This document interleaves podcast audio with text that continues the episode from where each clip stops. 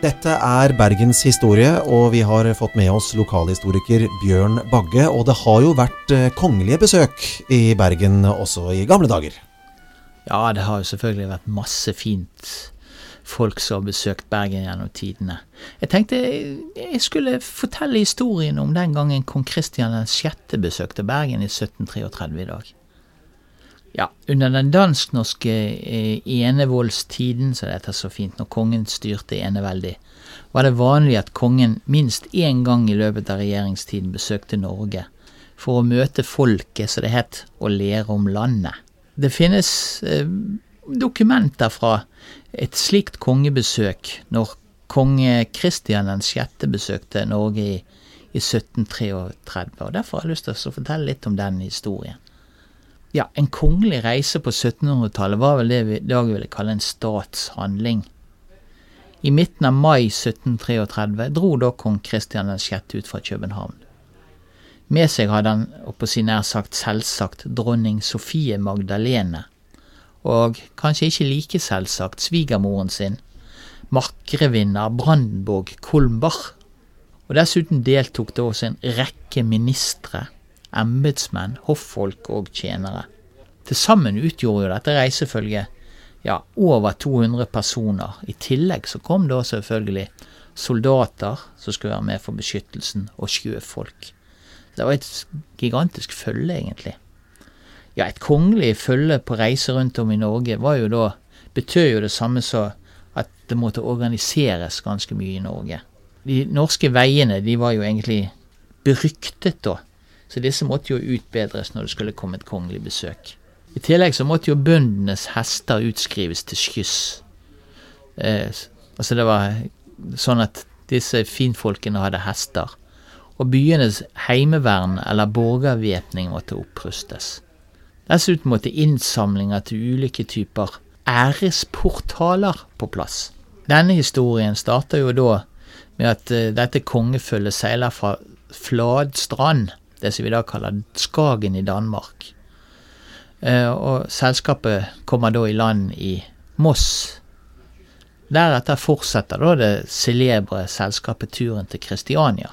Følget oppholder seg da i østlandsområdet i en, ja, vel en måneds tid, og besøker da annet Moss, Fredrikstad, Halden, Horten og Tønsberg.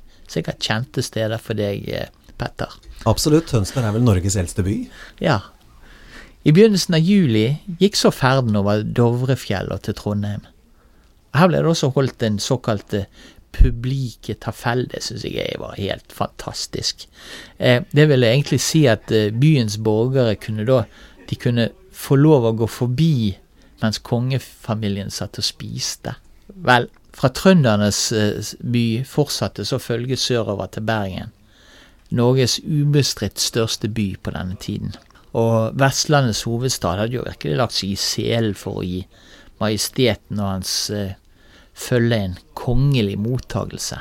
Allerede ute i Alvastrømmen så møtte byens skippere frem i svarte og hvite uniformer for å ro da kongebåten til byen. Og en ny brygge var laget. Dette var den såkalte triangel som mange kjenner til fra Bergen. Og opp på denne triangelen så var det reist en 20 meter høy æresportal.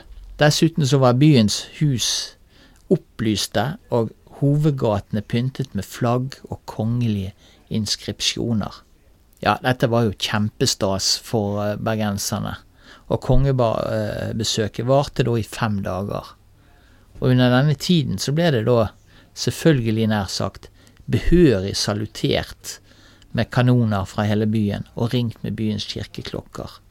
Og kongen han inspiserte selvfølgelig da både militære styrker, brannvesenet og borgervæpningen.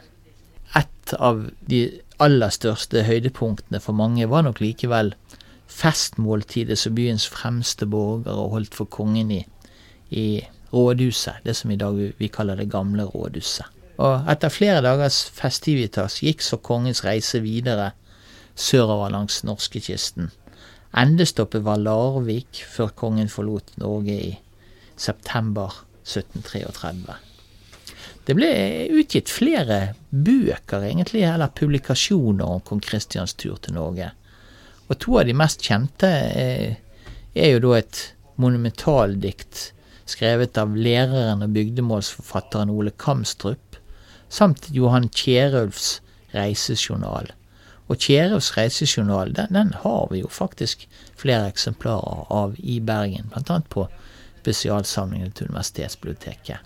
Kjerevs journal eh, ble veldig populær og solgt egentlig mange steder. Men eh, det eksemplaret som eksisterer i Bergen, bærer preg òg på at dette har vært utrolig flittig lest. Ja, så flittig faktisk at de siste sidene av dette manuskriptet er da faktisk gått i stykker. Journalen forteller egentlig ganske kort om kongens reise på en enkel og nøktern måte. Reiseruten blir nøye beskrevet. Det samme blir gjengivelsen av de ulike æresportalene som blir satt opp, og de ulike hyllestinskripsjonene, som dette er så fint, som møtte kongen rundt om i Norge. Men det ble også laget andre gjenstander i forbindelse med kongebesøket. Eh, knyttet til Bergen så ble det laget en vakker sølvmodell av eh, triangel, da, med denne æresportal på av en Bergens gullsmed Johannes Müller. Og denne oppbevares da i Rosenborg slott i København. Så både disse manuskriptene og, og ja, denne æresportalmodellen av den da, forteller da om den ydmykheten og ærefrykten folk følte over å ha fått den store landsfaderen fra København på besøk i, i Norge.